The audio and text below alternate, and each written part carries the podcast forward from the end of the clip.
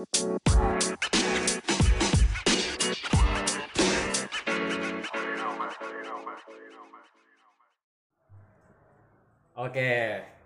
kembali lagi bersama podcast MB Podcast, musuh bersama podcast yo.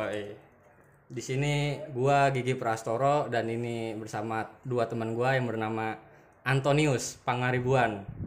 Ya. Jadi mahasiswa psikologi dari mana? Tak dari ini disebutin ya disebutin lah. Dari Nggak apa-apa ya. Di sini mah bebas mau. Mercubuana Oh, Mercubuana. Dan yang satu lagi Presley. Eh, gue dari Dari mana nih? Politeknik Ilmu Pemasyarakatan. Yo, iya. Wah, ini- ya sudahlah jelasin Gi. Ilmu pemasyarakatan apa tuh? Apa tuh maksudnya? Ah, jadi sekilas sebentar aja nih deskripsiin. Politeknik Ilmu Pemasyarakatan tuh bekerja buat Kemenkumham itu aja intinya Gi. Sekarang Oh, gua itu. tingkat 2 semester 4 lah. Wow mengerikan. Berarti udah pengen lulus nih ya? Ya, setahun lagi. Oh lah. setahun lagi lulus Dua tahun mengerikan. Barang gua berarti lulusnya. Oke lanjut aja kita mau bahas ini, bro. Corona sebagai musuh bersama, ya kan? Sekarang kan lagi trending-trendingan nih corona. Apalagi ini Gi, yang masalah udah corona terus napi dibebasin. Nah itu, Nah, itu itu cocok ya sama- Parah, sama parah. bahasan lu ya. Itu. Cocok kita mau bahasan lu. Oke nanti itu sebelum ke situ kita mau ah, tanya-tanya sedikit nih sharing-sharing bentar nih mengenai kan sekarang kan udah ada kebijakan nih PSBB pembatasan sosial berskala besar ya. Hmm. Nah menurut lu perbedaan sebelum PSBB sama sebelum apa nih? Sebelum corona menyerang sama sesudah corona menyerang apa nih perbedaan yang paling lu rasain gitu? sebenarnya sih waktu banyak sih dia Iya. waktu pas corona belum ada di Indonesia ya emang nggak ada kebijakan ini kayak semua normal-normal aja Ah. tapi pas udah ada PSBB ini ya kayak driver ojol gitu Ya. kan udah nggak bisa narik-narik penumpang lagi terus dibatasin juga orang orang berkendara tapi maksud gue kurang efektif juga kebijakan ini dilakuin karena nggak ada feedback pemerintahnya kayak ojol nggak boleh narik penumpang tapi nggak dikasih apa-apa gitu. Nah, nggak nggak nggak ada bukti nyatanya. Nah itu yang gua yang gua apa resahin juga. Iya maksud orang-orang disuruh di rumah aja nih, eh, tapi kagak dikasih bantuan gitu sembako kan? iya maksud gue kasih bukti nyata lah setidaknya iya biar betul. Harusnya kasih bantuan ya. biar iya tahu sendiri kan kalau ojol nih kalau satu nih weh rumah gue udah dikasih nih dana nih sama permin apa sama, sama pemerintah. Nah kas dia ngubungin dong Ah. ke grup weh ayolah udahlah di rumah lah ya kan udah ada bukti nyata soalnya tapi kan ini psbb diberlakukan tapi nggak ada feedback balik ya buat Iya. mereka jadi kasihan juga Tapi gue ngerasa pas pasukan ojol ini merasa paling punya berwenang tinggi anjir atas pemerintah ya nggak sih? Bener bener. Kayak Emang- misalkan mereka menyuarakan sesuatu tuh kayak lu harus denger didengar gua, ya? iya, lu Iya, harus denger gua, ya. lu harus denger gua. Soalnya gua wakil dari apa ya? Kan anjir ya ada nggak pas gitu maksud gue ya jangan Ojol doang ojol gitu. doang gitu maksud kan gue juga elemen-elemen dari lainnya kan. kenapa nggak diangkat gitu Ya karena yang punya ojol jadi menteri pak. Yang punya gojek itu jadi menteri sekarang masalahnya. Jadi langsung ke pusat. iya iya Jadi, jadi suaranya langsung ke pusat tembus. iya bener ya ya. Lagi juga ojol kan ada kampanye di rumah aja di rumah aja. Ya kali ojol di rumah aja cok. Hmm. Nggak mungkin lah ojol di rumah. Enggak aja. masalahnya tuh pasti kalau kita melek ya nggak cuma ojol doang meh Ah. yang merasa pekerjaan tuh kayak yang paling berat mereka Iya banyak profesi lain. banyak dari lain maksud gua kayak kalau pemerintah cuman fokus di yang didengerin ojol doang menurut gua kayak nggak fair sih Oh nggak harus fair ya? ada Iya, elemen-elemen masyarakat lain yang harus didengar nggak cuma ojol doang Iya, Gitu iya betul sih. Profesi lain juga harus didengar juga. Hmm. Karena yang corona itu nggak nggak mandang lu ojol apa bukan gitu kan? Iya masuk gua pakai jaket hijau gua nggak kena corona ya gitu. Lu- gitu. lu kata- Gara-gara dia berwenang kan Iya. enggak. Lu kata nyeblorong ya kan? nyeblorong nggak kena corona pakai pakaian hijau kayak. Jangan kalau gitu mending gue beli akun ya Gak usah gue beli masker beli akun aja dapat jaket udah Iya. Nah, lu selama di rumah ya merasa kesepian gak sih? Maksudnya bete anjing gue biasa Bete lah biasa nongkrong ya kan, sekarang kagak boleh nongkrong. masalah bedanya orang-orang kelas gua sama kelas yang di atas gua kan sebenarnya keterbatasan aktivitas Hmm. kayak kalau lu lihat orang-orang yang menyuarakan lu di rumah aja wah si kampret enak rumahnya ada lapangan basket Nah. ada kolam renang Nah. aktivitasnya kan banyak Nah. lah gua cuma makan tidur terus nontonin berita yang di berita juga nggak jelas Nah, nontonin lu lu Iya. ketiduran ya nah ngomong-ngomong soal berita nih ya. Ngomong-ngomong soal berita, kan sekarang lu ngelihat di TV itu berita corona, di Instagram berita corona, di WA berita corona. Apa lu nggak pusing gitu kan? Maksudnya kan pasti ada dampak secara psikologisnya gitu ke orang-orang. pasti Nah ada menurut lu dampak psikologisnya yang paling yang paling kena apa tuh? pasti ada kita kayak kena panik buying Oh, panik buying ya itu pasti tuh. terus kayak panic attack jadi kayak kita ngerasa eh, keserang rasa takut secara berlebihan gitu Hmm. sampai-sampai kita nggak bisa ngendalin diri kayak misalkan demam dikit nih udah kalau dulu mah Iya. demam batuk udah biasa minum es ngerokok Wah, kalau sekarang demam dikit udah searching corona lu, corona lu.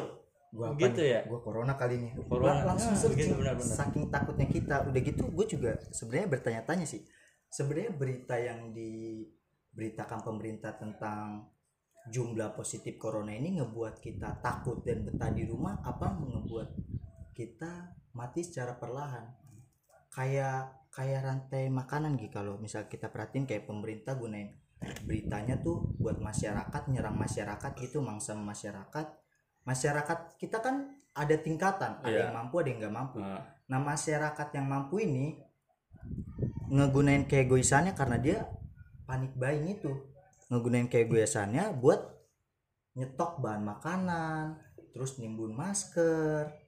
Yang masyarakat nggak mampu ini takut jadi dia takutnya itu ke pemerintah makanya mereka eh, ya udah gue kerja aja habis gimana gue di rumah nontonin coba kita bayangin dua minggu orang yang nggak mampu di rumah dua minggu orang yang mampu di rumah kalau siapa yang pertama kehabisan stok makanan pasti yang nggak mampu oh iya. dia udah kelaparan nontonnya berita kelaparan takut gimana coba Waduh, mikirnya atau itu. atau mending Nah itu bisa kena serangan serangan mental nggak? Ini gue nanya ke orang-orang psikologi nih.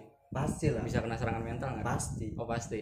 karena kalau ada bukti nyatanya yang keluar keluar mungkin ya gue ngerasa masyarakat yang nggak berkepentingan tapi dia keluar itu dia pasti ngerasa kayak eh karena keterbatasan aktivitasnya di rumah makanya dia keluar anjing gue bete di rumah main game Mobile Legend ketemu bocah. Iya benar. nonton TV ditakutin.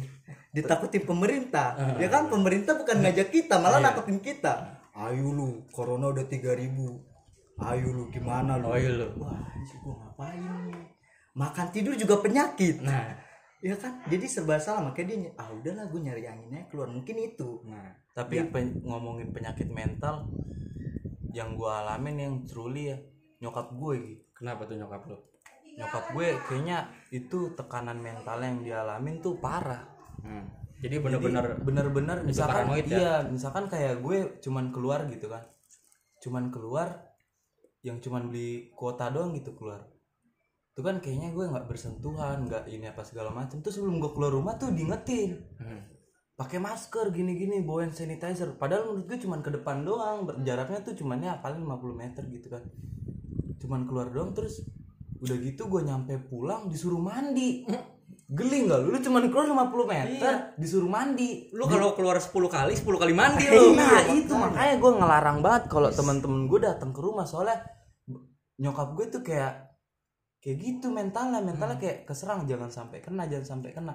Itu jadi takutan banget ya. jadi takutan itu yang gua orang yang gua alamin ya. Kayak orang terdekat gua. serba salah kalau lu keluar pulang mandi ganti baju dong banyak cucian diomelin ganti Iya, baju ganti mulu. baju tapi mulu. tadi nyuruh mandi nyokap kan jadi aneh gue juga jadi mental boy Iya, mental ya. Mental 10 juga kali mandi sehari lu kalau keluar jadi 10 gue tiap gua keluar jadi suruh mandi jadi tuh Hmm. mental mentalnya tuh karena corona ini bukan cuman apa ya ya ya jadi gitu menurut gua nyokap jadi kena jadi takutan gitu-gitu terus yang gua lihat apalagi ya menurut gue sih ya memang jangan karena corona ini gitu ya kan emang masa cuci tangan pas ada corona berarti emang sebelumnya lu tuh nggak Nah, bersih. itu itu kalau memang lu jadi- bersih awal pada awalnya tuh jangankan corona menurut gua mungkin lu nyimpen Hmm. kotoran di bawah kuku lu nggak bakal ada kalau lu bersih sih menurut gue sih itu. Nah itu Lebih yang jadi menjaga kebersihan ya, aja. yang jadi keresahan gue kenapa pas udah ada penyakit orang-orang sadar gitu baru sadar bahwa kebersihan itu penting. Emang basicnya orang Indonesia Nah, jorok Iya. itu yang ditakuti kenapa baru sadar gitu kan? Padahal emang Kebersihan dari itu- adatnya kan dulu kan sebelum makan ya cuci tangan. Dari luar ya mandi. Ah. karena tuh apa ya sebelum corona juga ya sadar kita kalau dari luar tuh ya banyak kuman banyak ini. Iya. Jadi sebelum pas kita udah datang corona harusnya kita nyikapinnya ya biasa aja. Soalnya yang gue lihat tuh kayak ada artikel-artikel berita-berita gitu kalau udah corona kayak gini justru dia datang tuh karena pikiran kita sendiri. Terus benar. sama sugesti. Benar. apa yang kita tonton kesugestiin dalam diri terus diri tuh otomatis secara alam bawah sadar tuh kayak mengaplikasiin gitu ya nggak sih? Jadi kalau menurut gue jadi kalau lu nonton kematian corona ya lu bakal ngebayangin tuh Oh, mati gue kalau kena corona mati nggak ya? Gitu gitu tapi menurut gue sih apa ya sehat kesehatan lu sendiri ya diatur dari jalan pikiran lu sendiri Iya. sih. Kalau menurut gue rasa takut itu wajar sih. Mm-mm. rasa takut itu wajar. Wajar harus ada. Karena rasa takut itu yang membuat manusia itu survive bertahan Iya. hidup.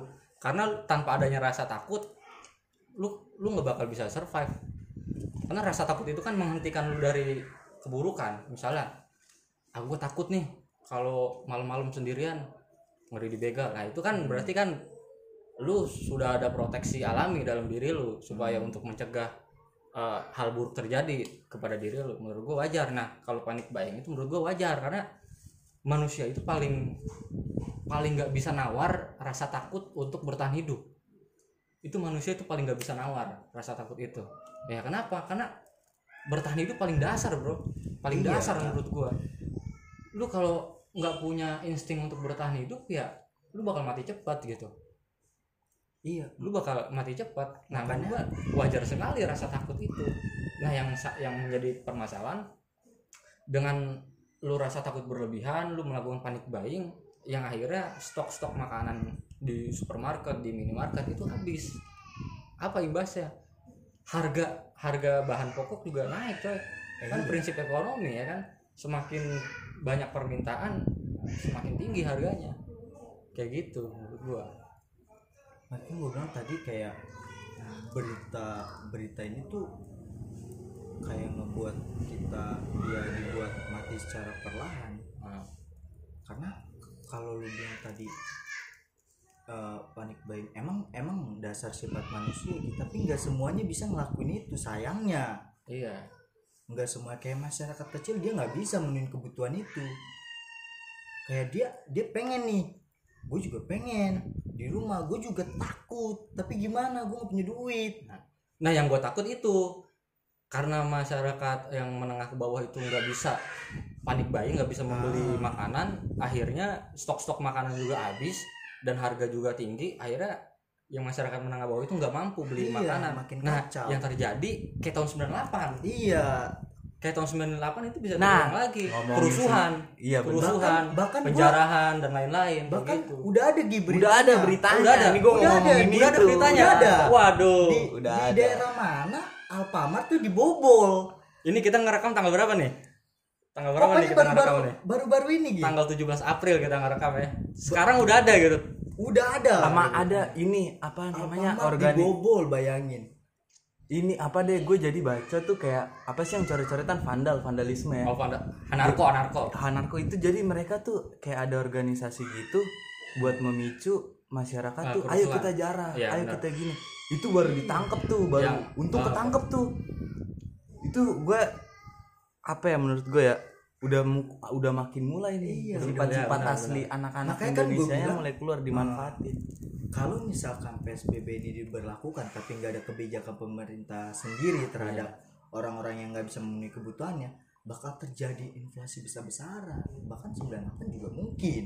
Ya karena udah ada bentuk nyatanya. Gue juga bingung Alfamart cuy dibobol di bawah eh, itu di mana tuh? Lu denger denger beritanya? Gue lupa. Pokoknya kira-kira ini di daerah mana ya?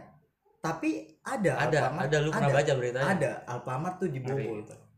tapi yang baru-baru ini yang paling keren sih itu boy yang kata organisasi anarko itu ya? Anarko itu tuh. Jadi dia uh, bikin tulisan gitu. Tulisan ini kalau nggak salah. Kalau nggak salah gini tulisannya sudah krisis saatnya membakar gitu. Nah, iya, itu sesudah tulisannya tuh krisis. yang di tiang listrik tiang listrik Iya, pokoknya terus itu kan secara nggak langsung itu ngegoring ngegiring opini, ngebuka pikiran masyarakat buat oh iya ya, kita lagi krisis. Oh iya ya gini. Oh iya ya, gue juga belum dapat bantuan dari BLT dari pemerintah terus ya bener kata lu, Ah. inisiatif bertahan hidup liar tuh makin jadi yang Iya, dialami. jadi tuh yang dilakuin masyarakat ke bawah oh ya udah gue nggak punya duit kekerasan. Hmm, benar. Ya kan daripada gue mati ya. cara bertahan hidup orang atas yang membeli. Cara bertahan hidup gue kekerasan terpaksa dong. Karena dia nggak mau iya nggak mampu membeli. udah gitu nggak di inian juga. Bahkan Gi, di Meksiko Gi wali kota Meksiko gue baca dia memperlakukan lock- sistem lockdown sistem lockdown tapi enggak disortir Nggak kebutuhan dikasih- kebutuhan pokok wah masyarakat itu ditembak kacau sih. gangster kacau sih. coba tuh Iya ada ditembak a- a- gangster. ada lagi anjir gue dengar di Gila di, gak tuh? di negara mana gitu. di India juga rusuh sempat Wih parah, Di India gue ngeliat corona dunia ini kayaknya makin gokil. Ada boy, gue sampai diba- dijual di dark web air liur sama darah positif corona. anjing buat apa dijual gak tahu gue. Jadi tuh gila, dia sa- sampai apa ya? Gue gue bilang manfaatin sudah pasti. Jadi dia sampai ngejual air liur corona. Terus bahkan tuh di Indi, di India kalau nggak salah tuh jadi dia misalkan ada yang meninggal, jadi Meksiko juga kali kalau nggak salah. Pokoknya di di luar Indonesia deh. Dia tuh kalau misalkan ada yang meninggal nih, terus di yang karena corona, jadi tuh disimpan di lemari dingin. oh di Nah kan kalau kalau kita tahu kan kalau udah positif corona kan di karantina kan. iya Jadi tuh keluarganya misalkan dia udah meninggal nih, keluarganya mau ngejenguk ngebayar. oh nggak bayar Jadi kayak masuk ke oh lapas. diduitin Iya, jadi kayak masuk ke lapas nih. Lu, Oh, lu mau masuk ke ruang administrasi nih. Saya mau ketemu sama keluarga ini. Ya udah bayar dulu segini. Terus masuk lagi nih ke ruangan. Bayar lagi kita. Hmm. Terus giran udah nyampe tempat jenazah kita disuruh cari. Cari orang yang keluarga sendiri aja. belum belum Gila itu gokil sih. Gue ada baca di akun di Instagram tuh. Nah itu, Itu bener yang yang bi- kalau ngomong-ngomong masalah korban corona yang meninggal, ini yang ada berita miris lagi nih dari Indonesia nih. Di Semarang kalau nggak salah di Semarang di Wonogiri itu korban meninggal akibat corona itu ditolak di pemakaman. nah iya Wah itu menurut gue miris banget sih. gue juga Nah yang lebih mirisnya lagi dia itu perawat pak, iya iya orang yang berjasa eh, menyembuhkan kor- eh, orang-orang corona, orang-orang yang terinfeksi corona. Nah itu menurut gua anjing ini kagak ada kemanusiaannya banget kata gue ya kan. Menurut gua lu kalau takut sama corona, oke, gue juga takut sama corona. Tapi yang gue benci itu penyakitnya, iya bukan orangnya. orangnya Itu dua, dua hal yang beda tuh. iya bener-bener Kalau analoginya, gue benci kanker, gue benci kanker. Tapi gue nggak membenci orang yang kena kanker. Itu Iya. kan dua, dua hal yang beda, dua hal yang beda itu menurut gue. Jadi yang lu harus lawan tuh penyakitnya sebetulnya, bukan orangnya gitu. Nah, ini di masyarakat Indonesia kebalik gitu. Malah orang yang dimusuhin dengan corona, Cuk. Ya kan? Ini akibat kurangnya sosialisasi sih dari pemerintah ini iya mengenai makanya tuh gue mikir lagi kayak misalkan eh, corona ini tuh kayak misalkan bapak punya dua anak nih. Hmm, jadi eh, perumpamaan ini ada seorang bapak punya dua anak. Dua anak ini ujian nih. Iya. ujian. Kalau misalkan eh, nilainya paling tinggi dapat hadiah lah dari bapaknya. Ah, si dokter ini gurunya corona ini ujiannya. Dokter ngasih kisi-kisi dong. Dokter ngasih kisi-kisi tentang eh, kita harus cuci tangan pola Ya, makan ya. hidup sehat. Nah bapaknya ngajarin dong. Hmm. eh eh, anakku kalian nggak boleh keluar terus nggak boleh ngumpul-ngumpul biar kita bisa nyelesain ujian ini. Masyarakat si kakak ini masyarakat yang mampu nih. Masyarakat yang mampu ini ya dia kebutuhan aktivitasnya udah terpenuhi. Yang nggak mampu ini kan nggak terpenuhi.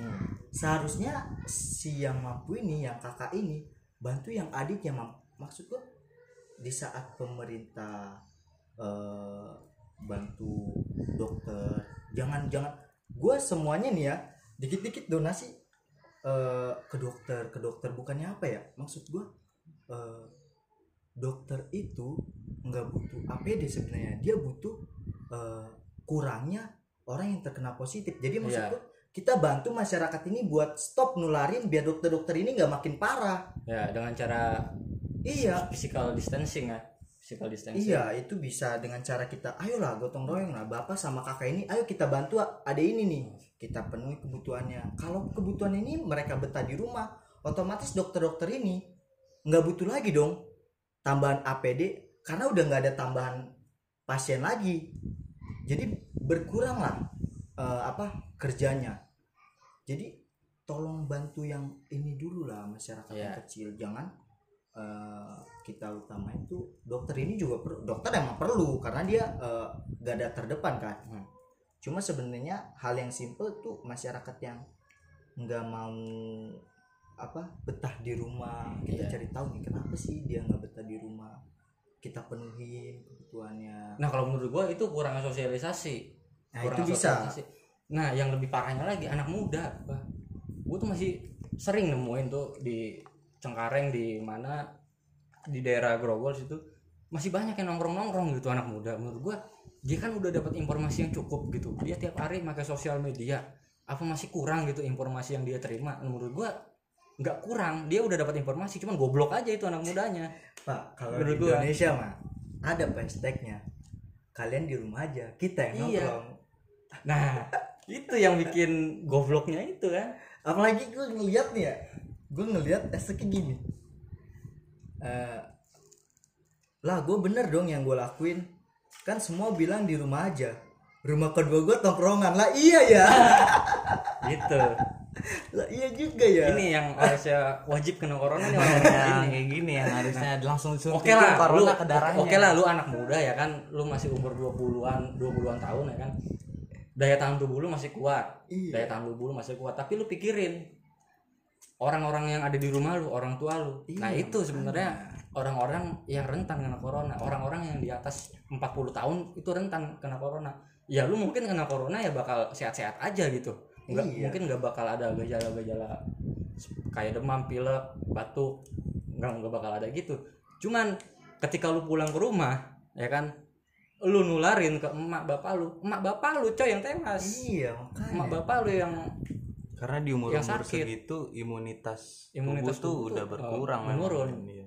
jadi Imunitas sasaran tubuh corona tuh sebenarnya umur umur balita sama yang udah menopausa iya yang udah 40 50 tahun ke atas itu sasaran maksudnya, utama lu lu lu nggak mikirin ke situ gitu lu nggak mikirin ke situ ya lu sih secara fisik memang masih masih kuat masih sehat tapi lu pikirin lah orang tua lu di rumah nenek lu di rumah apa nggak meninggal itu kalau kena corona karena kan lu lihat aja pasien-pasien yang meninggal ini menurut apa data statistik ya.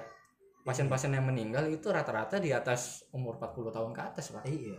Itu yang meninggal. Dari sekarang yang udah meninggal tuh sekitar 700-an 700-an per 17 April udah gua cek tadi barusan 17 April itu itu pasti ceknya di 700-an Line Today. Enggak gua di di di WhatsApp COVID-19 dari Oh, dari gua pemerintah. tetap Line Today boy nggak tahu kenapa itu dari hari gua nggak mulai percaya sama Line Today.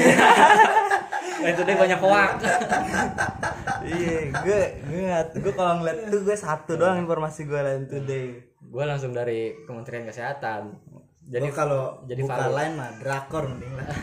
Jadi valid bisa dipertanggungjawabkan berarti udah banyak itu ya? 6 60% itu di atas yang 60 tahun asal kalau lu lihat statistiknya. Berarti kan orang-orang yang rentan itu di atas orang tua lu. Pantesan wajar kalau orang tua lu parno itu wajar menurut Iya. gua. Karena enggak gini tuh kalau sistem penyerangan corona yang gue lihat ya. Jadi tuh misalkan kalau kayak gue ngomongin misalkan nyokap kenapa bisa mental kayak gitu? Karena yang gue lihat corona cepet bisa menyebabkan kematian tuh karena adanya penyakit sebelumnya yang dirasain oh iya gitu. ada penyakit kronis sebelumnya Iya. kayak diabetes Iya jadi diabetes Kayak tuh awalnya udah kayaknya udah redam nih, udah redam terus datang corona itu jadi kayak liar.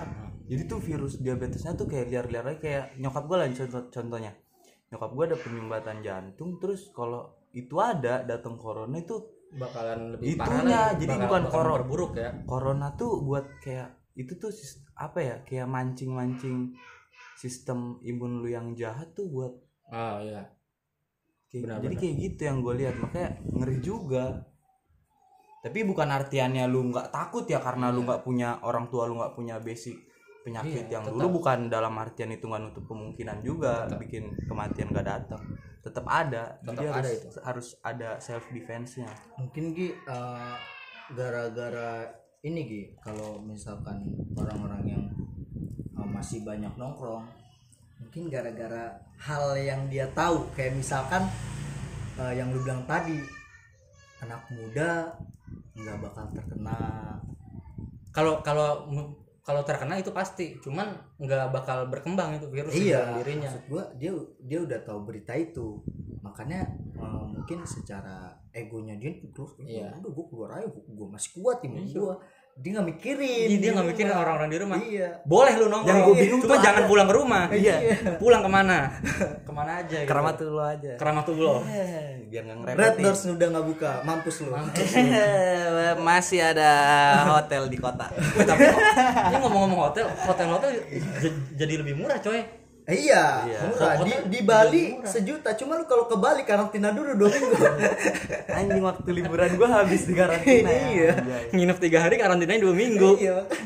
Ma, giran udah mau masuk check in masa ma- udah kada luar Iya. check innya anjay Maaf, Mas udah habis. Lah, kok udah habis? Eh, iya, udah tiga udah 15 hari, Mas. Mas di luar nggak tapi yang gue bingungin tuh gini misalkan gue mungkin pernah denger tapi dikoreksi lah kayak misalkan ada yang positif corona terus boleh dikarantina di rumah itu gimana sih maksudnya? Jadi lu udah kena jadi- cor- corona terus dikarantina di rumah. Nggak masuk akal menurut masa nyomak bapaknya nginep di rumah tetangga gue lucu ya? Nah itu ada pengecualian jadi eh, lu bisa karantina di rumah itu dalam artian lu di satu ruangan yang terpisah dari orang dari orang lain.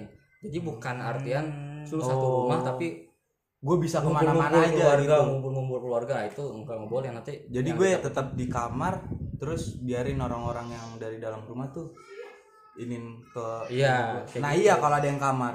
Nah iya kalau nggak ada kamar nah. kamar mandi. Kalau- kalau kalau rumahnya cuman apa iya jadi buka pintu yang satu ruangan doang langsung yang, dapur. ya, yang ruang tamu dapur Nah, kamar itu mandi gimana itu tuh? digabung gimana Ya, dong? kalau di gue sih fine fine aja karantina di rumah. Iya, kita alin ke Wisma Atlet. Ada wifi. aduh. Berarti itu dilihat juga dari Iya, kondisi rumah ada- ya? dari kondisinya ada berarti kalau misalkan positif corona tuh yang dikarantina di rumah tuh dilihat dulu ya Iya. misalkan di rumahnya. Nah itu juga ada pengecualian juga Itu yang boleh karantina di rumah itu batasnya itu maksimal umur 27 tahun. 27 tahun. Jadi di atas 27 tahun, di atas 30 tahun Nah itu enggak tidak disarankan di rumah. Soalnya yang umur 25 sampai 30 tahun itu daya tahan tubuhnya masih kuat. Dia bisa menyembuhkan sendiri diri gitu sendiri ya. gitu.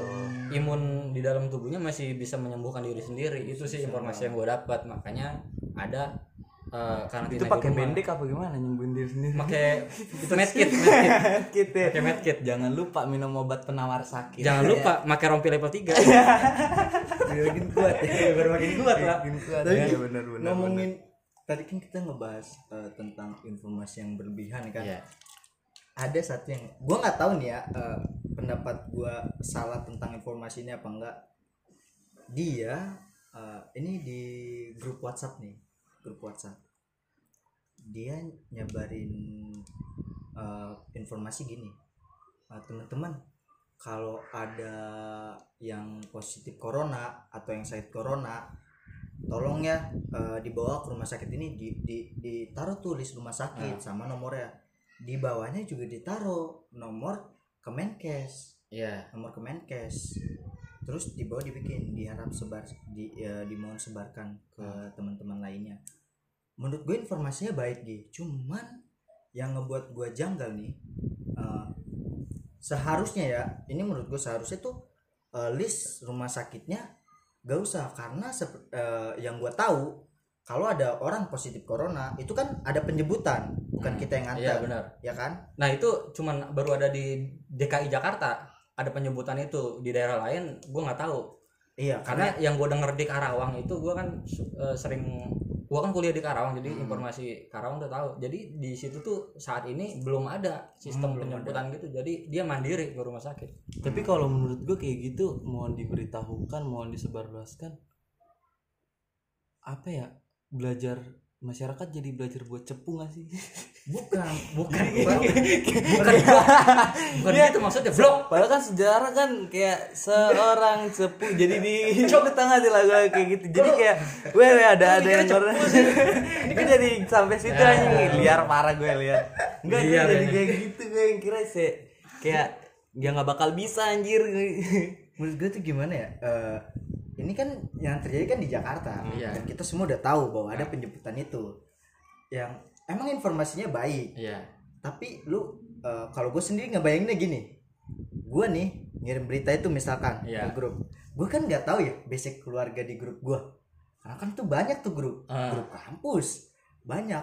Nah misalkan nih gue ngirim terus keluarga lu tiba-tiba nih ada yang sakit. Misalkan udah sakit nih keluarga lu nih. Iya dia harus check up nih seminggu tiga kali misalkan nih ke rumah sakit karena penyakitnya. Dan penyakitnya ternyata ada di list rumah sakit itu. Hmm. jadi kan dia scare dia takut pak. Wah anjir. Rumah sakit gua masuk lagi. Dampak aduh gimana ya? Gua nemenin gak ya? Ntar kalau gua check up ke sana yang ada bukan sembuh malah nambah sakitnya Mana nambah Ya kan? yang nanya. maksud gua eh, nggak perlu di eh, dikasih list rumah sakitnya cukup nomor Kemenkesnya aja karena kan kalau ada positif ya kita nomor eh, Iya. telepon aja ke situ karena ada penjemputan kan Nah, kita, itu kita tahu semua Nah itu eh, kalau nggak salah otomatis direkomendasiin dari Kemenkesnya misalnya di yang dekat daerah sini rumah sakit rujukannya itu ada RSUD Cengkareng. Hmm, RSUD Cengkareng itu sudah jadi rumah sakit rujukan tuh dari awal. hmm. Nah paling nanti direkomendasinya ke situ nggak mungkin ke jauh-jauh nggak mungkin ke RSPAD nggak mungkin ke Wisma Atlet dulu. iya Nah itu yang jauh yang dekat-dekat dulu biasanya direkomendasinya. Masalahnya maksud si Antoni gini Gi. yang Lebih nggak- ke arah yang enggak nggak apa ya? nih misalkan, misalkan punya penyakit tapi yang harus kayak konsultasi ke dokter terus eh, apa namanya check up ini ini sekali sedangkan ada penyakit yang beda dari corona yang harus di Iya.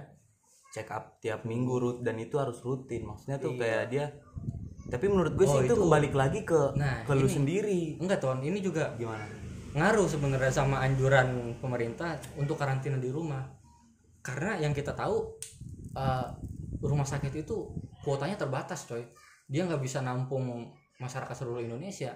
Cuma sebagian aja yang dirawat di situ nah yang gua khawatirkan dengan kita keluar keluar di rumah nih nongkrong nongkrong ya kan anak muda yang gua khawatirkan rumah sakit penuh. Nah sehingga rumah sakit itu nggak mampu menampung penyakit penyakit yang lain. Misalnya kayak eh, kanker itu kan harus rutin. Kanker banyak kayak penyakit lain yang harus pneumonia Hmm, kayak cu- cuci darah. Nah itu kan harus rutin.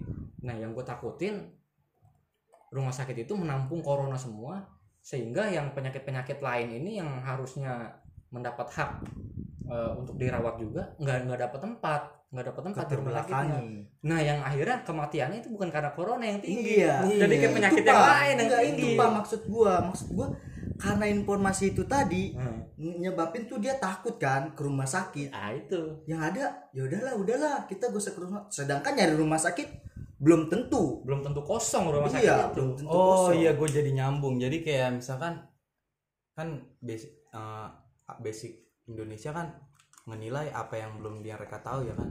Ini misalkan ada nih orang tiap apa-apa ngecek up mulu ke rumah sakit Cengkareng kan. Padahal kita tahu sendiri rumah sakit Cengkareng rumah sakit rujukan corona. Terus tiba-tiba nih orang yang bukan karena corona meninggal. Akhirnya timbul lah nih gosip-gosip. Dia corona, dia Iya, dia corona. corona, Orang padahal hari bukan. lihat, padahal mah bukan. ya baru kena kanker Enggak kelar. Berarti karena apa ruangannya dipakai buat corona kan bangsat kalau gitu kan Iya, berarti gimana? Mungkin gini kali dia nggak kita tahu. Emang banyak nih contohnya di rumah sakit Cengkareng. Menurut gua aja sih mungkin sebelumnya ini dianjurin ke rumah sakit yang bukan rujukan corona. Ngerti nggak? Jadi Iya. kayak ya rumah sakit Cengkareng ya udah pakai eh, kamar yang nggak kepake ya udah buat corona. Nah, jadi tapi- kalau lu mau berobat gua rujuk aja nih lu ke rumah Iya. sakit ini. Padahal kan sedangkan dokter yang udah kebiasa buat kita konsultasi itu kan ada di rumah sakit ada ini. rumah sakit ini. Gue dapet. Nah udah gitu nggak semua rumah sakit nge-backup BPJS ya iya. Rumah sakit iya rumah sakit swasta itu jarang sekali yang nge-backup BPJS ya kan makanya RSUD Cengkareng itu menjadi tujuan favorit. Karena apa? Membackup iya. BPJS pak. Gratis iya. coy. Masa ngobatin kanker di puskesmas? Masa klinik 24 jam kan gak lucu dong. Ini keluarnya apa pak? Iya. kanker. Aduh pas saya bisa jahit doang. Klinik ya klinik ada cuman buat bikin surat sakit doang. Iya, kalau ngobatin kanker di rumah sakit yang non BPJS yang swasta yang ada anda sehat keluarga anda yang meninggal. Karena nggak makan anda buat bayar rumah sakit. Iya benar. Bangun-bangun sembuh. Loh keluarga gue mana? Keluarga saya mana? Kelaparan ternyata meninggal. Tapi nggak lucu kalau kayak gitu. ini jadi makin riweh corona ini. Kita belum fokus sama penanganan udah ada hal-hal lain yang bikin makin kita takut gitu apa tuh yang bikin kita takut? Ya kayak kita lihat sendiri yang lagi heboh-heboh booming sekarang yang dilepasnya Narapidana. Ah, itu, tiga puluh lima ribu. Jadi kan terus ada lagi gue lihat di daerah Jawa itu baru keluar. Baru keluar. Baru keluar dari penjara tiga hari kemudian dia maling motor. Waduh. Masuk lagi. Waduh jadi di Rusia ngelepasin ra- ratusan macan biar warganya keluar, Indonesia lepasin napi biar gak keluar. Waduh. waduh Gacor, Jadi- gacor. Nah ini kalau kalau menurut lu nih dari ya, itu basic lu nih ilmu pemasyarakatan. Menurut lu dampak apa nih yang bakal timbul nih di masyarakat? Soalnya kan ketika narap narapidana itu kan apa ya? Gini loh, lu ngebebasin narapidana yang notabene dia keluar itu tanpa pekerjaan. Bener nggak menurut gua? Benar. Dia tanpa pekerjaan.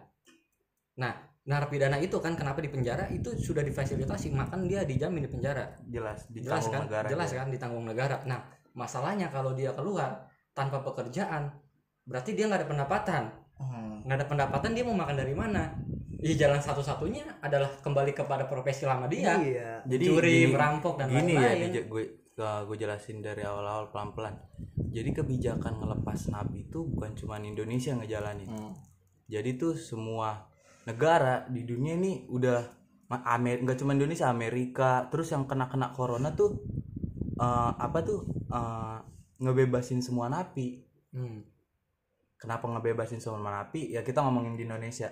Kita tahu sendiri kan karena corona ini bu- bukan dana yang sedikit. iya Jadi tuh sebenarnya pemerintah tuh muter muter balikin semua keuangan gimana caranya biar kita It fokus bisa ke tetap kesehatan gitu ya fokus ke kesehatan dulu jadinya itu dari Kemenkumham sendiri menurut gue 35.000 ribu narapidana dikali berapa makan dia tiga kali sekali menurut gue udah pengaruh besar banget Iya, buat benar. Indonesia nanganin corona jadi kita ambil dari positifnya aja Iya. nilai positifnya terus yang kedua itu 35.000 ribu itu bukan tindak pidana umum semua ya kayak kejahatan kejahatan kayak pem- eh, mencuri apa segala macem.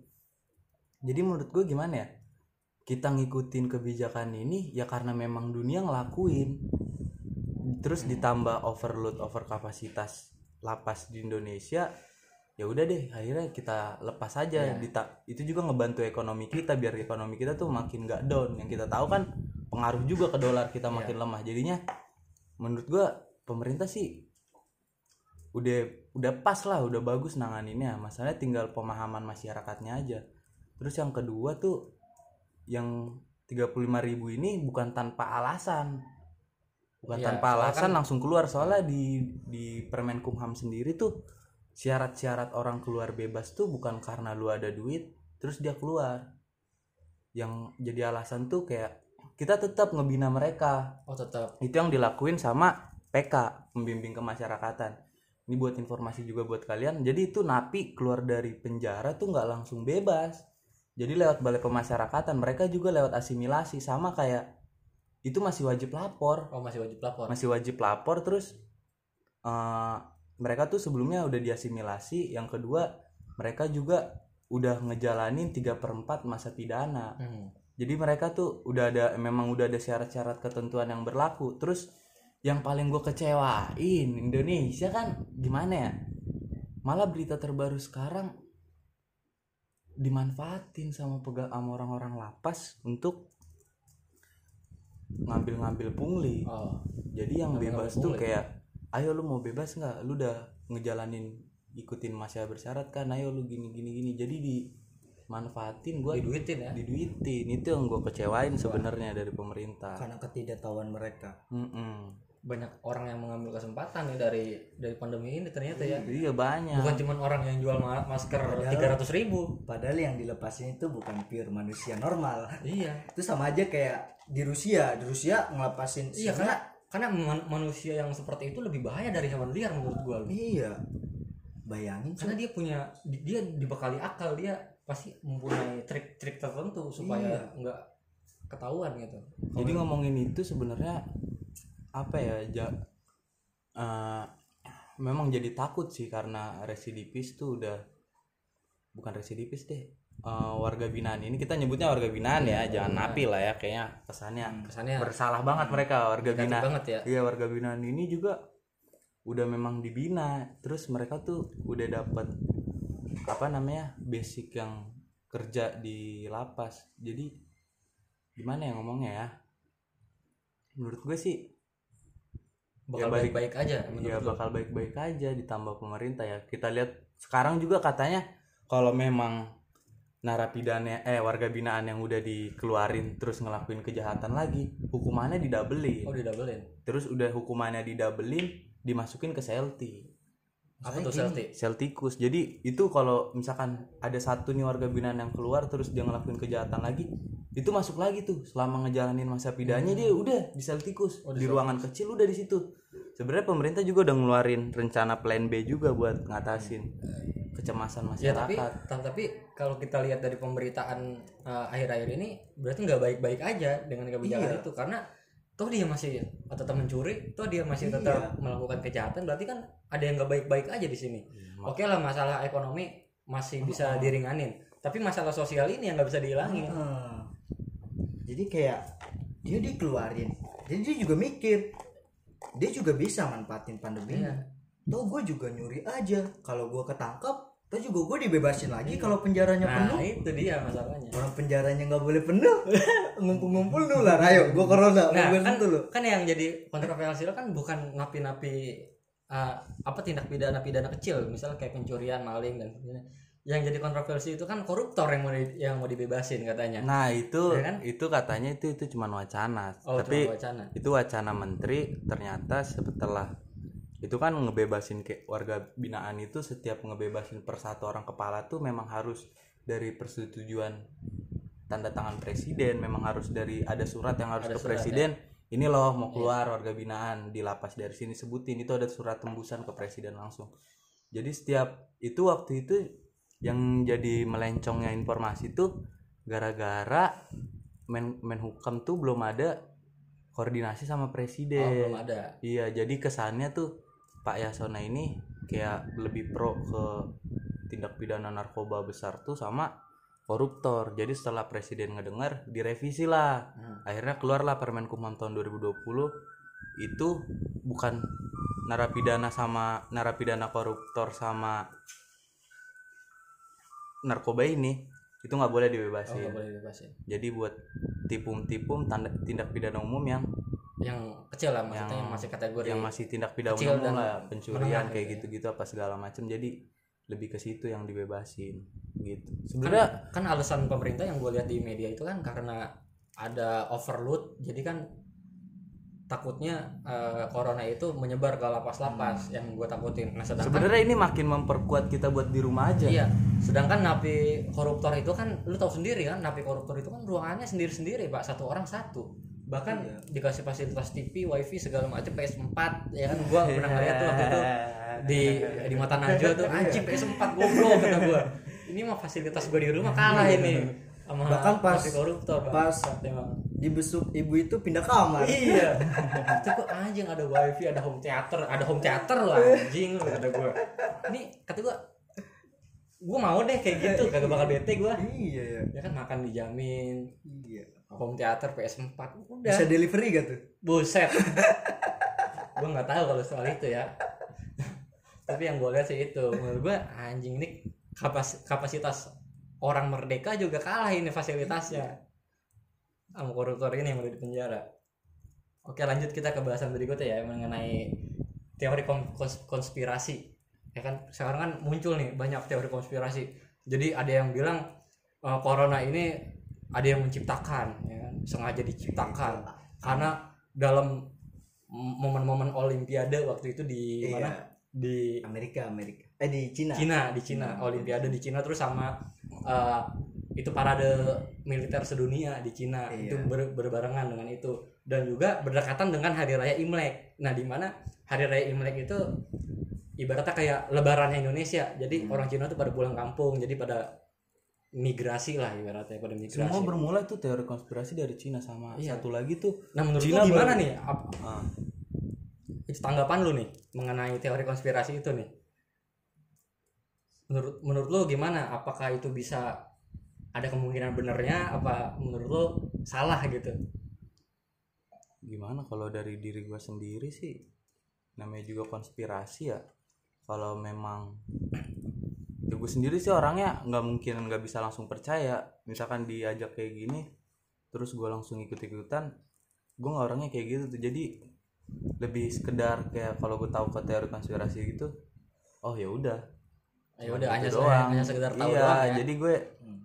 tetap ngikutin Hmm. perkembangan informasi terus nggak langsung percaya. Hmm. terus gue juga nggak ngajak temen gue buat sama-sama ayo kita percayain ini Ter- justru gue lebih nanya ke temen gue apa nggak lebih ke sharing kok bisa ya kayak gini ya ya cuman jadi sekedar Iya. bahan obrolan aja ya karena menurut gua teori konspirasi itu di- diciptain berbahaya juga menurut gue tuh kayak Iya, yang di Inggris berbahaya. yang kayak di Inggris yang sampai kepercayaannya gara-gara menawa tower 5G ini yang baru diluncurin dari Cina ini yang nyebatin corona. Ini kan lucu anjir. Lucu, goblok, kagak ada jadi kan dari- sama sinyal gitu. itu yang paling berbahaya karena teori konspirasi ini. gitu kan. Iya.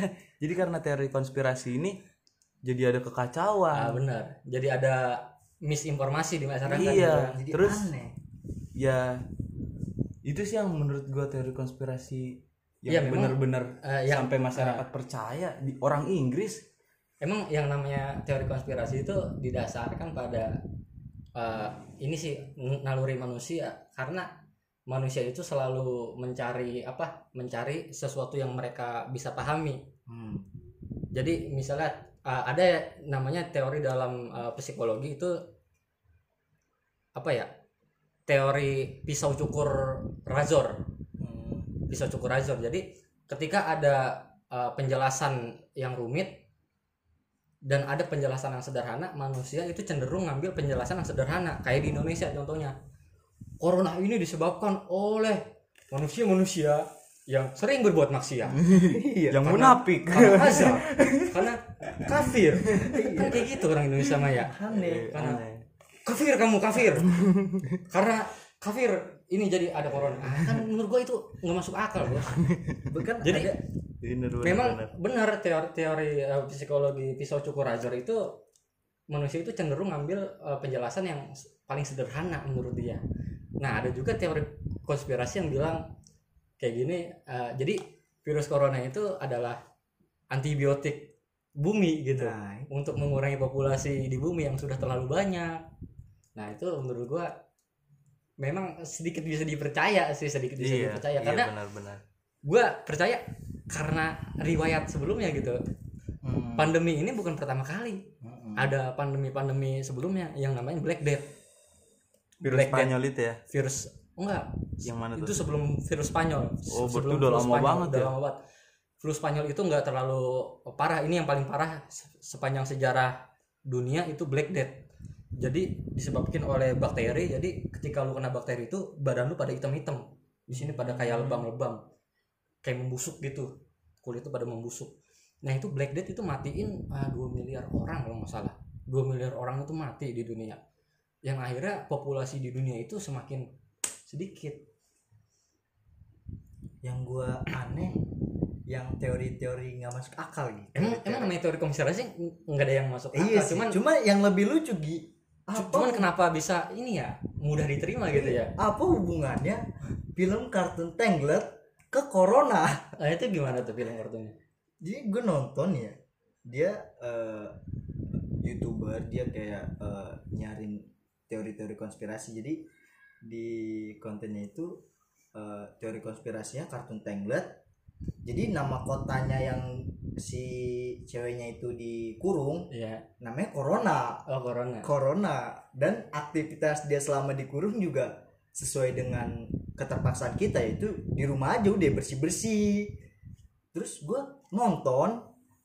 Nih gue juga nggak tahu ya apa gue gara-gara eh seserius ini nanggepin corona sampai-sampai gue mikir wah ini juga nih teori corona eh apa teori konspirasinya nih. Jadi kalau lu nonton film Transporter 2 jadi dia eh, kayak ada ilmuwan Rusia tuh buat virus gitu virus jadi kalau virus itu dimasukin ke manusia cara penularannya virus ini tuh kontak fisik nyentuh sama ngehirup. Hmm, itu kan sama kayak kita kontak fisik Iya. nyentuh sama hirup orang itu mati. Hmm.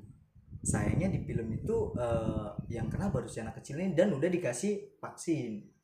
Udah dapet tuh vaksinnya. Kalau nonton uh, transporter 2 menurut gue itu kayak wah ini juga teori konspirasi Oh, berarti- nih. berarti eh, di situ corona ini udah ada dari zaman dulu gitu ya iya bahkan menurut gua dari zaman transporter 2 nih gua nonton transporter 2 kapan nih seharusnya gua udah tahu nih Nah, sebe- sebenarnya virus corona itu emang udah ada dari dulu.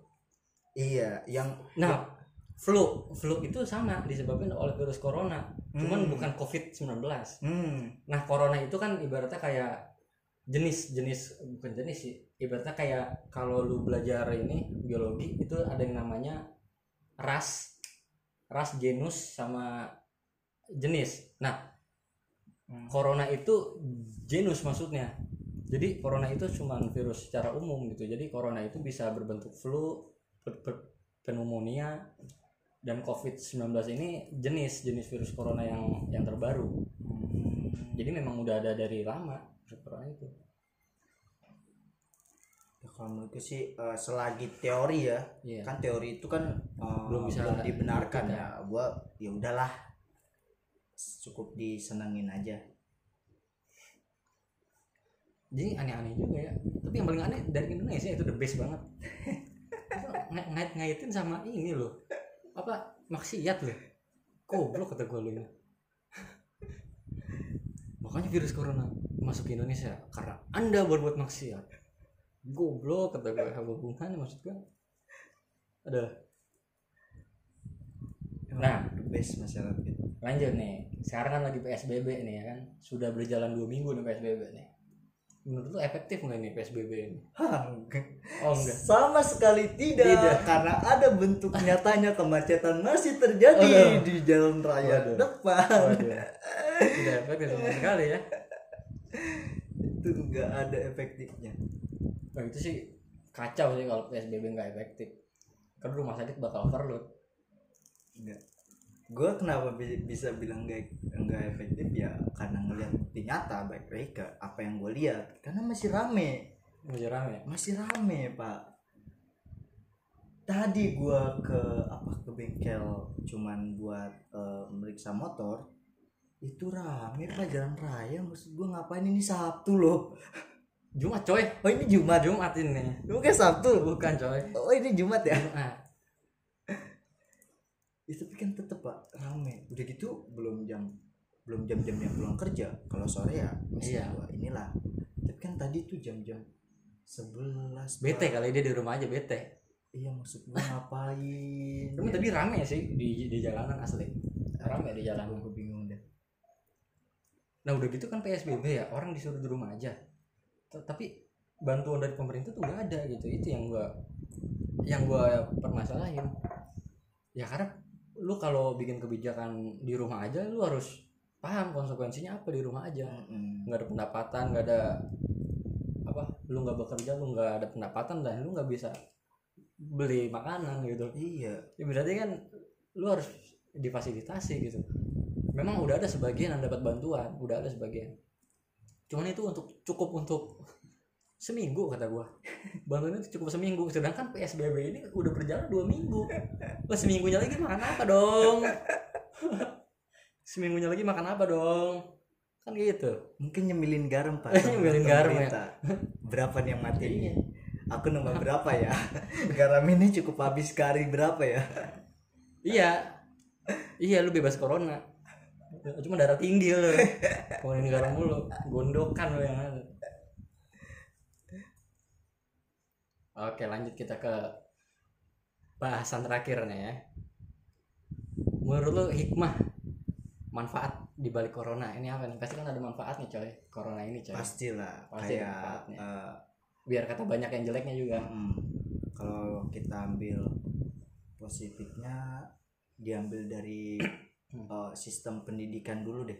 Nah. Kayak kita kuliah. Study for home ya. Iya kayak kita kuliah di rumah itu menurut gua eh, walaupun gak se ek- efektif yang gua kira ya karena penggunaan zoom juga memerlukan biaya. Nah. Dan semuanya itu nggak bisa nyakup tentang Iya. kuotanya. Dan eh, zoom itu kan 40 menit. Dan Iya. kalau kita pakai yang premium tuh kan berbayar tuh. Berbayar itu pasti. Berbayar kan. Takutnya kan dikenain biaya lagi walaupun eh, nggak seefisien yang belajar langsung ya? Mm-mm. Belajar tetap muka? Belajar langsung. Tapi ya ada enaknya juga lah kayak misalkan gue bisa dengerin dosen gue ngobrol sambil eh, nyokap gue juga tahu nih apa yang gue pelajarin. Jadi apa yang dosen ngomongin kayak nyokap gue langsung nanya eh dia ngomongin apa? Iya. gitu. Kayak apalagi kan gue kayak belajar ilmu psikologi kayak penting banget buat mental nyokap Hmm. kayak tahu buat perkembangan mental itu gimana sih terus kita juga banyak saling ngobrolnya.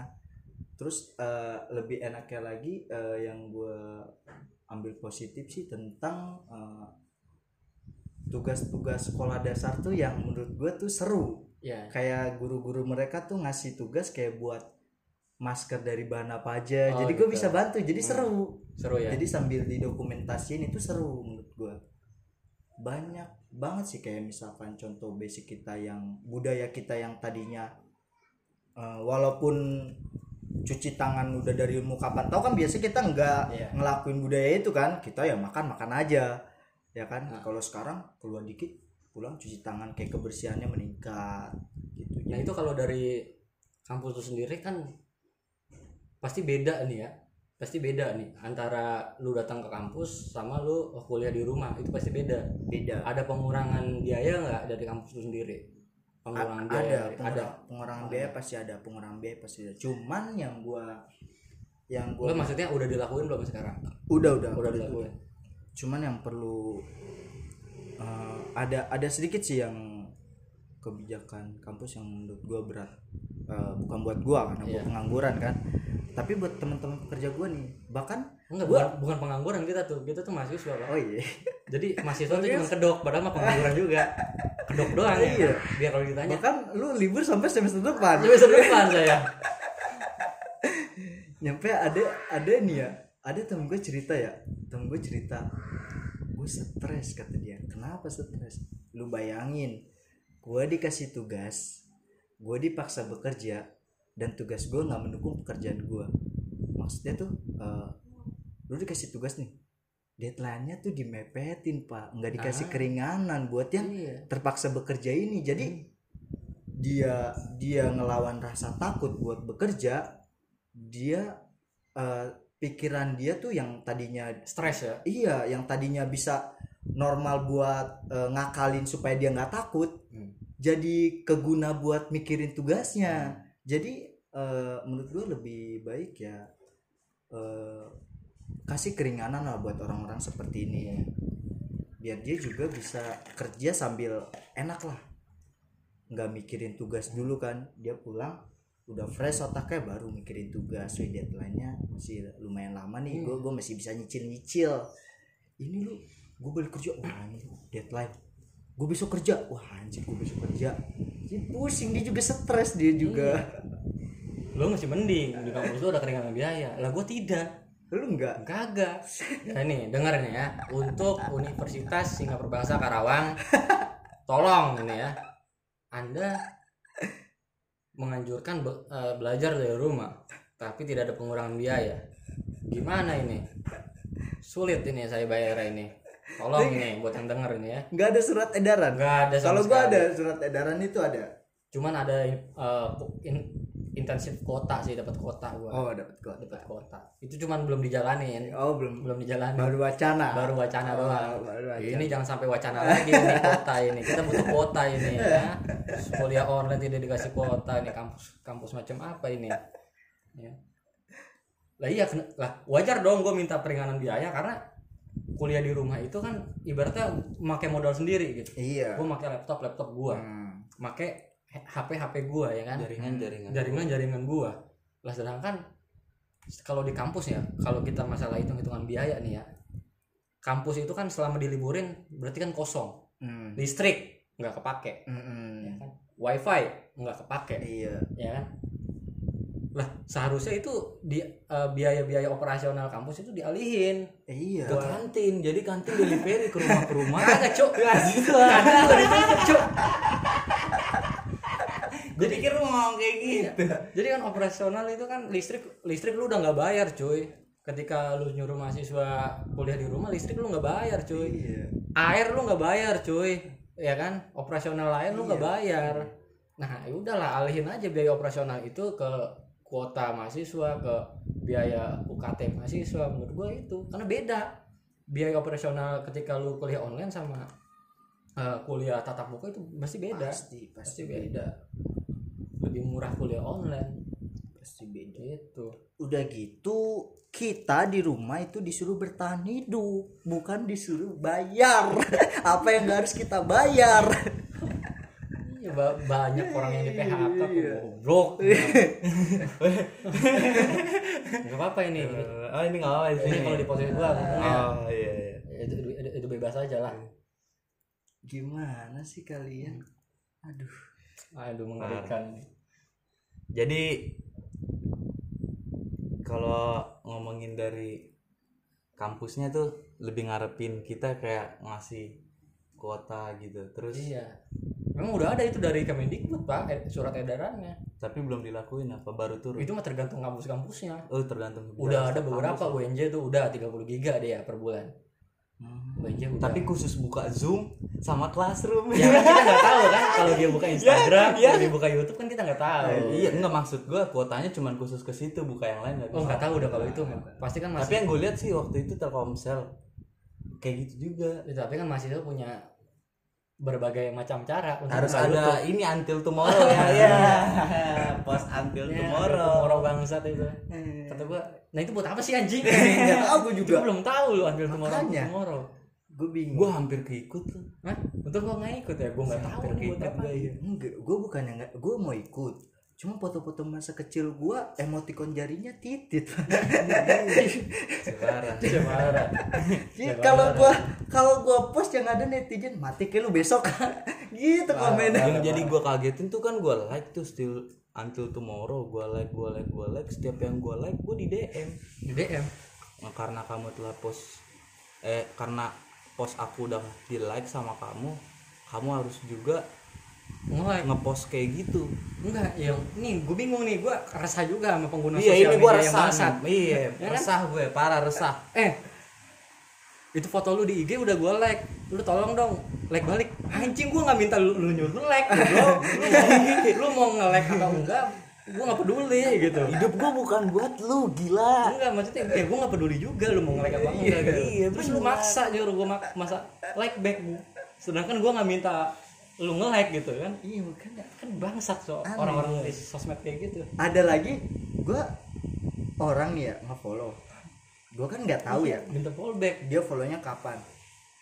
Jadi dia ngechat gue di WA lu kalau nggak follow back gua gua unfollow. Lah! Lah pasti lu kenal dari Tantan. Tinder versi underground? Iya. Eh kenal dari Tantan tiga hari kemudian gua pokoknya. 7 km lah. Enggak nih ini gue sering nemuin orang.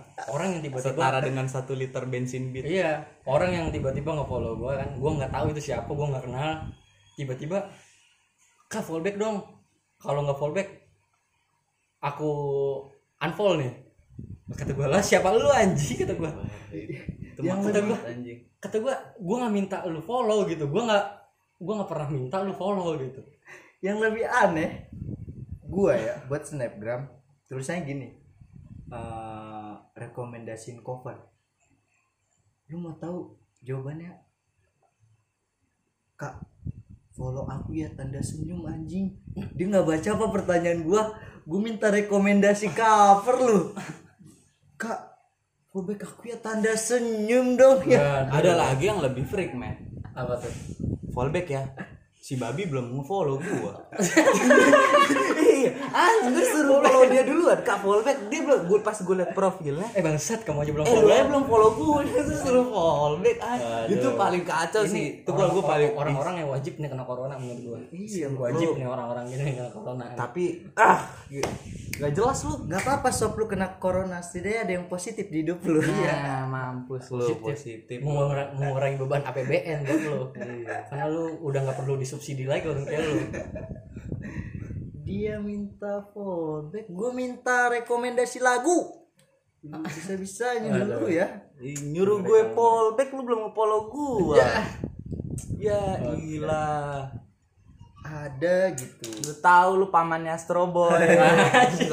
paman Astro boy Wih, Biasa aja lu. Follow dulu gua, baru lu minta fallback. iya Dan Fallback juga tuh kalau- bukan artian suruh nge-follow lu.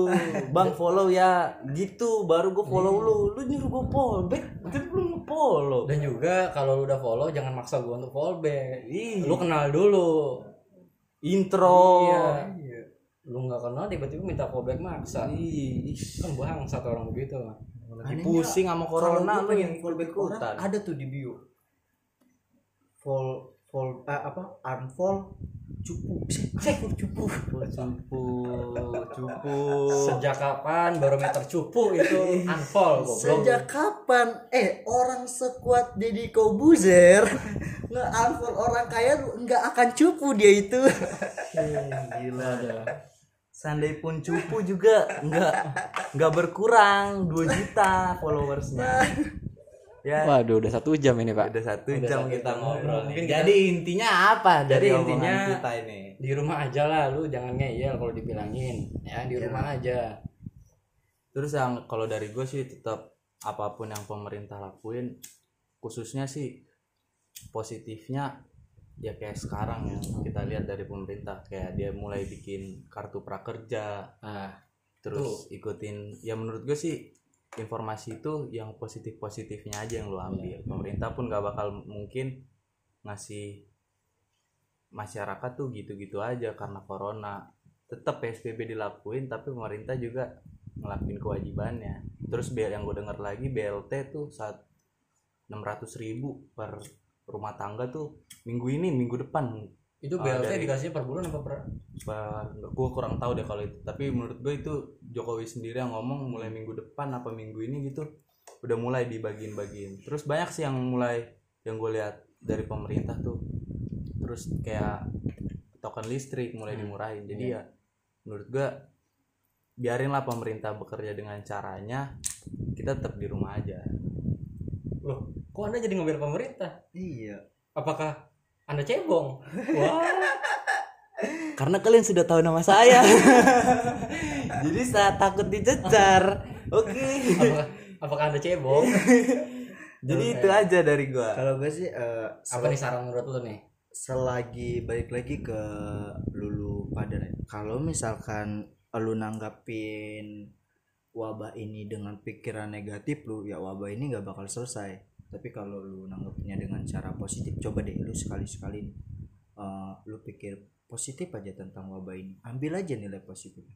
Pasti kayak berasa tenang gitu. Itu tuh eh, ada di diri kita masing-masing walaupun gue tahu lu semua ada beberapa orang yang nggak setuju terhadap eh, kebijakan pemerintah saat ini. Tapi coba eh, lu cari kayak sisi positif kayak lu bilang tadi kayak kartu prakerja terus eh, BLT yang mau dibagiin. Cobalah kita kasih token listrik boy kalau kalau masyarakat nggak disebutin Ah, secara lengkap iya. takutnya salah paham. Apa enggak voucher 6 giga yang unlimited jam 1 pagi sampai jam 5 sore? Harus digunakan. Ini sebenarnya kuota unlimited yang mengacaukan imun. Soalnya kita harus begadang. Iya. begadang itu kan menurunkan imun. Iya, Wah, ini pandemi-pandemi FPN harus kita aktifkan VPN ini harus berjalan coba berpikir positif lah terhadap OB ini. Kalau lu berpikir positif terhadap OB ini gue yakin pasti selesai kok cepet. Ya saran gua ikuti aja lah anjuran dari pemerintah. Ikuti anjuran-anjuran dari dinas-dinas terkait mengenai PSBB dan di rumah aja karena itu semua demi kebaikan kita bersama gitu. Bukan buat kepentingan pemerintah bukan buat kepentingan golongan. Ini buat kepentingan kita bersama.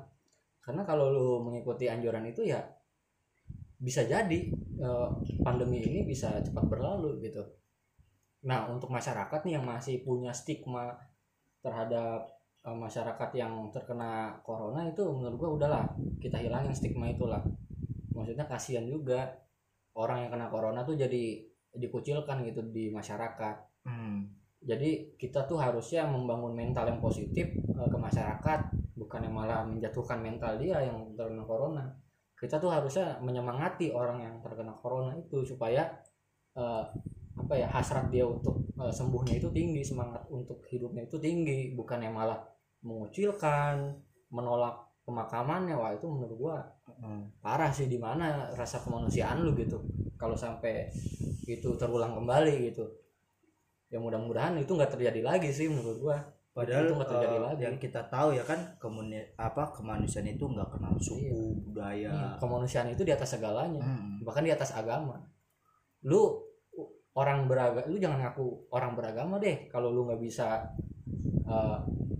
mem- memanusiakan manusia gitu lu jangan ngaku orang beragama gitu menurut gua udahlah mendingan lu jadi ateis aja gitu kalau lu nggak bisa menghargai kemanusiaan. Bahkan orang ateis pun dia menghargai kemanusiaan. Berarti Iya. lu lebih rendah daripada orang ateis. Lu sama satu lagi. Tinggal lu di rumah Dodit no yang tengah hutan gak punya tetangga mampus lu. sama satu lagi sih gue tetap semangat buat yang memang harus ngenafkain keluarganya. Tetap ada pepatah bahasa Nura bahasa Yunani tuh orayat labora. Jadi lu tetap bekerja tetap juga sambil berdoa. Jadi melakukan aktivitas tetap berdoa supaya kerjaan lu makin jaya. Lancar lah. nah buat lu yang sering depannya. suka nyebar-nyebar berita hoax stop lah nyebar-nyebar berita hoax. Mulai Itu- di stop itu- dari diri lu Nah, sendiri ini mulai di stop dari diri lu sendiri. Eh kampret, nggak ada orang keteng apa kena virus corona tuh kejang-kejang tuh nggak ada. nggak ada itu. Nggak ada itu juga. tuh dia mabuk abidin. ya Nih. ntar malam yuk. Goblok Nggak juga corona dari jaringan 5G. enggak juga ya Nggak juga. Nggak Nggak ada bisa disebarin corona dari Iya. jaringan 5G. ini mulai dari lu dan orang sekitar lu karena di grup-grup WA termasuk grup-grup WA keluarga itu sering banget tuh hoax tuh Iya. maksudnya Ini admin-admin grup tolong kick orang-orang yang nyebarin hoak. ini gue pernah denger gitu ya makan mie make makan mie dicampur coklat itu bisa bikin meninggal cuy Hoax. hati-hati kamu kalau makan mie jangan dicampur coklat bisa bikin meninggal. kok makan mie campur coklat bisa mening meninggal cok Aduh, kan wah itu tidak masuk akal gitu kan Aduh. kalau stop um, sebar berita hoax karena berita buruk itu mempengaruhi mental sebetulnya Iya. Oke, sekian dulu dari podcast kita kali ini. Ya kan? Ini ini BTW buat ini ya, Pak, buat UAS gua ini. Oh ini buat Oh, was. iya, buat UAS gua. Ini gua Tolong. Universitas Singapura Bangsa Karawang dikurangin biaya-biaya operasional, tolong. Ya, bukan biaya biaya operasional, Pak. Biaya biaya kuliahnya, Pak. Oh iya, biaya oh, kuliahnya, iya, tolong. Ini teman saya sudah mengeluh Nah, dia.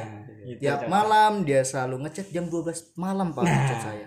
Minta hotspot coba Bapak Nah. Gitu kan. Kata dia Jadi biaya kampus nggak kurang. Aduh. ini buat UAS gua eh, New Media Society, ya kan? Oh. Oke, jadi semoga gue nih bikin podcast ini perjuangan pak gue keluar rumah ya kan membahayakan diri gue terkena Ini di belakang podcast saya kita omongin Iya, kalau ini keresahan belakang lo. Ini podcast. kita keresahan Oh, kita enggak. bersama. enggak ini harus gue omongin Oh. supaya dosen supaya dosen yang mendengar ini uh, mendengar gitu perjuangan saya membuat podcast ini ya kan supaya memberi nilai itu A lah minimal lah. A lah ya. Karena perjuangan saya keluar rumah mencari mencari Enggak, narasumber. Nanti dia bisa jawab dong. Hah? Kalau lu minta nilai A, biaya kampus nggak kurang. Lo lo lo lo, lo. kan beda gitu. Beda kasus itu Oh, iya, Ya, tolong ya. Ya terima kasih oke salam perjuangan covid. Peace. Yesus satu jam juga satu jam 14 menit